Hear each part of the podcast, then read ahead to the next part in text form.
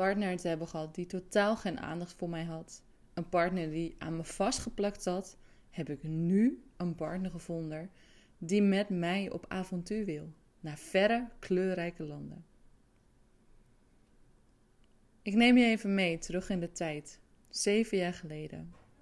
Mijn vriend en ik zijn op reis in Bali. We kijken uit op een groen rijstveld. Een orkest van krekels en kikkers zingt op de achtergrond. En samen zitten we stil naast elkaar op het bankje en kijken naar de ondergaande zon. Het is fijn. Tot het moment dat hij de woorden uitspreekt dat hij niet meer verder wil. En het eerste beste vliegtuig pakt naar de Filipijnen. Ik ben zwaar geschokt. Welkom bij een nieuwe aflevering van Vlak na Vlammend. Ik vind het super leuk dat je weer luistert en dat je de tijd neemt om te luisteren. Je hoort mij geregeld vertellen: iedere goede relatie met een ander begint bij jezelf. Maar wat bedoel ik daar nu precies mee? Want heel vaak denken we dat we een goede relatie hebben. Maar wist je dat meer dan 50% van de vrouwen eigenlijk helemaal niet zo tevreden is met haar relatie? Het is vaak dat we niet heel veel mooie, goede exemplaren om ons heen hebben om echt een goed beeld te krijgen van wat nou echt een goede relatie is. Dus als we het dan afmeten naar de gemiddelde relatie om ons heen en we zien wel eens een ruzie of moeilijkheden, dan denken we al snel van: oh, nou, dan gaat het bij ons nog niet zo verkeerd. Dat is er eentje die ik echt heel vaak hoor. Maar een goede relatie. Heb jij je wel eens afgevraagd wat voor jou een goede relatie is?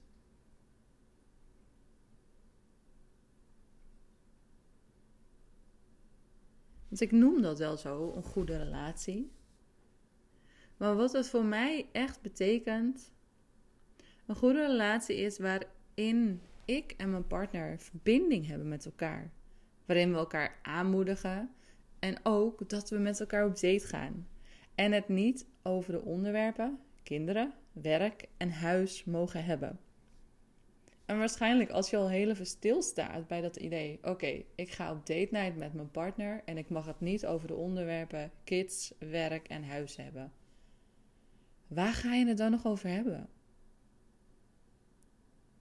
Want voordat de kinderen er waren, hadden jullie denk ik ook wel genoeg om over te praten. Waren er genoeg thema's die jullie samen deelden? Maar vaak is het zo, zodra je dan gaat samenwonen en je gaat trouwen en je, krijgt kinderen, dan gaat het over het algemeen alleen maar net over kinderen, over werk en over praktische zaken. Dan vergeten we eigenlijk al die dingen die we in het begin van onze relatie hebben gedaan.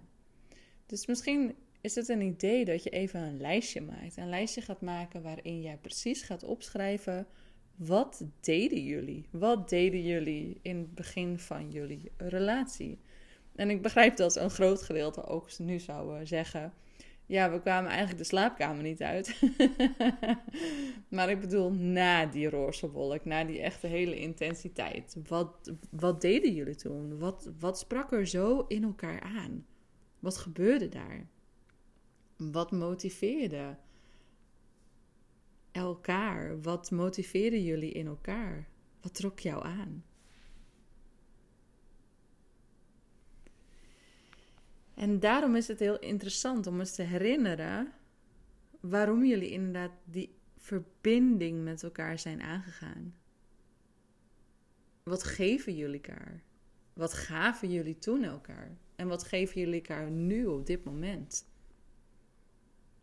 En ook waarom ben je nu nog bij elkaar? Denk hier even heel eerlijk over na. En ik zal je wel vast verklappen dat de antwoorden niet zijn voor de kinderen, omdat het makkelijk is. Omdat het makkelijk met het huis is, omdat we elkaar maatje, elkaars maatjes zijn. Dat zijn allemaal niet de goede antwoorden. Een echte relatie, een goede relatie, die begin je door eerst te verbinden met jezelf. En dat klinkt misschien heel zweverig en vaag. Maar ik wil je graag even meenemen in mijn verhaal. En het verhaal waar ik net al mee begon over mijn vakantie, mijn geblunderde vakantie in Bali, waar ik op het moment zat en dat hij vertrok naar de Filipijnen. In de eerste instantie ben ik woest. Ik ben boos, ik ben gefrustreerd en ik zit hier alleen nu op dit eiland.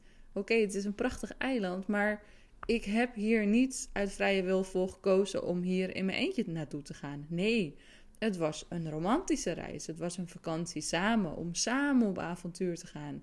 En niet alleen. En ik ben ook pissig, woest eigenlijk. Omdat, waarom heeft hij gewoon niks eerder gezegd? Waarom pas hier in Bali, aan de andere kant van Nederland, zit ik hier op zo'n eiland? Dus ik merk dat ik vooral eerst echt woest op hem ben, boos op hem ben. Over wat hij eigenlijk allemaal niet gedaan heeft in de relatie. Wat hij heeft laten liggen, dat hij is vertrokken en dat hij niet eerder heeft laten blijken dat er iets was. Want als ik terugkijk op de relatie, hij snapt toch wel dat ik gewoon geknuffeld wil worden als ik verdrietig ben. Dat ik geen oplossingen wil horen over hoe het de volgende keer beter kan. Nee, ik wil gewoon dat hij me even vasthoudt. Dat snapt hij toch wel? Altijd maar die oplossingen van die mannen. Af en toe werd ik er echt scheidziek van. En de juiste dingen zeggen, dat is ook zo'n ding. Zo moeilijk, de juiste dingen zeggen. Ik, ik snap gewoon soms niet waarom hij mij niet gewoon snapt. En vooral omdat je dan al zo lange tijd samen bent, dan denk je op een gegeven moment, ja, hij snapt mij toch nou wel eens. En misschien herken je dit wel, dat je denkt van ja, het probleem ligt vooral vaak bij hem. Maar, heel eerlijk, het probleem ligt helemaal niet bij hem. Het ligt bij mij. Ik wist zelf niet wat ik echt wilde en wat mijn behoeften waren. En heel eerlijk, ik negeerde ook de moeilijke situaties tussen ons. Ik wilde het niet zien. Ik wilde niet moeilijk doen. En ik sprak veel dingen meestal niet uit. En hoe vaak spreken we eigenlijk dingen niet uit? Dingen die we eigenlijk willen, dingen die ons eigenlijk dwars zitten, dingen die eigenlijk belangrijk zijn, maar dingen waardoor je je kwetsbaar voelt, misschien wel bang, niet weten hoe de ander hierop zou reageren. En daar was ik ook onderdeel van, want ik wil niet moeilijk doen. Wil gewoon een fijne relatie hebben, een goede relatie. Op dat moment, zeven jaar geleden in Bali, denk ik: dit is het einde van mijn leven. Alleen het tegenovergestelde gebeurt.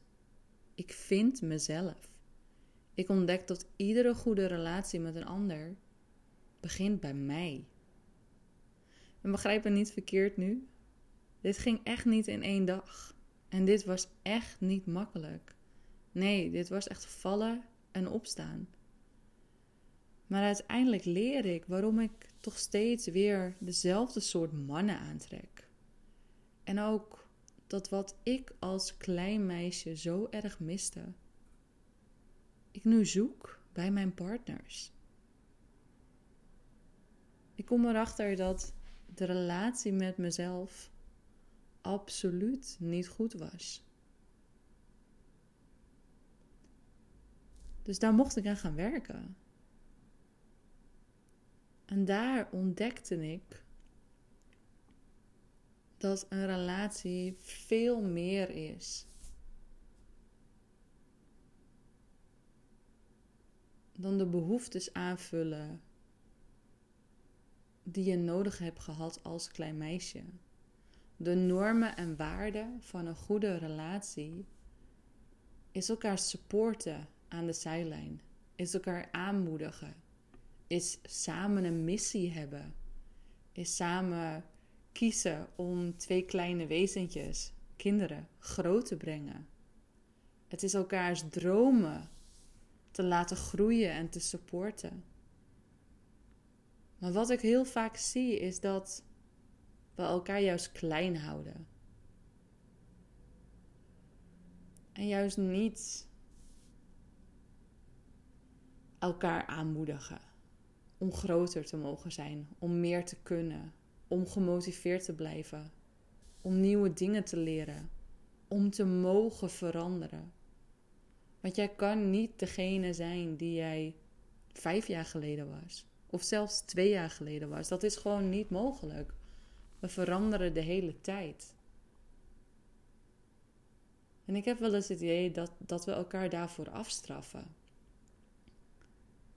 En een ander groot punt is dat zodra er kinderen in beeld komen, dan komen die op nummer 1. Alleen als vrouw ben jij de ruggengraat van je gezin. En natuurlijk heeft jouw partner een grote rol hierin. Alleen over het algemeen zijn wij wel degene die alles regelen. Die het overzicht hebben dat alles gewoon gebeurt. En een manier hoe we de dingen kunnen zien. En dat is niet, niet willendheid van onze partner. Maar het is ook dat wij de regie daarvan niet uit handen geven aan onze partner. We geven niet echt op een goede manier aan waar wij behoefte aan hebben, omdat we het vaak zelf niet eens weten. Want het lijkt soms wel alsof de ontwikkeling stopt. De ontwikkeling stopt zodra we gaan trouwen, kinderen krijgen en een gezin krijgen. Je eigen ontwikkeling begint dan pas. Ik zeg wel eens: de eerste 30 jaar leer je wat je de volgende 30 jaar weer moet afleren. de manier hoe we met elkaar omgaan, hoe we communiceren, hoe we liefde aan elkaar geven. Hoe we echt goed kunnen observeren wat je zelf nodig hebt. Want alleen als je zelf heel goed weet wat je voelt, wat er in jouw lichaam gebeurt, wat jij miste als klein meisje, waar nu jouw behoeften liggen, waarvan jouw hart sneller gaat kloppen, dan pas kan je een goede relatie aangaan met een ander. Want anders ga je zo snel concessies maken. En ik denk dat dat niet de bedoeling is. Want die relatie met jezelf is mega belangrijk.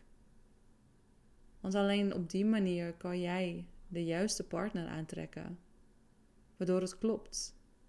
En ook door te leren deze grenzen aan te geven en aan te geven wat jij echt nodig hebt,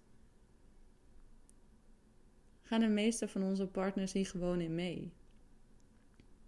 Alleen jij moet erin geloven. En dat vinden we vaak iets heel lastigs. Dus wat ben je hier benieuwd naar en denk je van, oh nee, misschien kan je me wel helpen. Stuur me een berichtje. Dan kijk ik graag met jou persoonlijk mee wat ik voor jou kan betekenen. En dit is gewoon geheel vrijblijvend. Omdat ik geloof dat iedere vrouw recht heeft op een gezonde relatie met zichzelf en haar partner. Ik wens je een hele fijne dag. Dankjewel voor het luisteren en tot de volgende aflevering.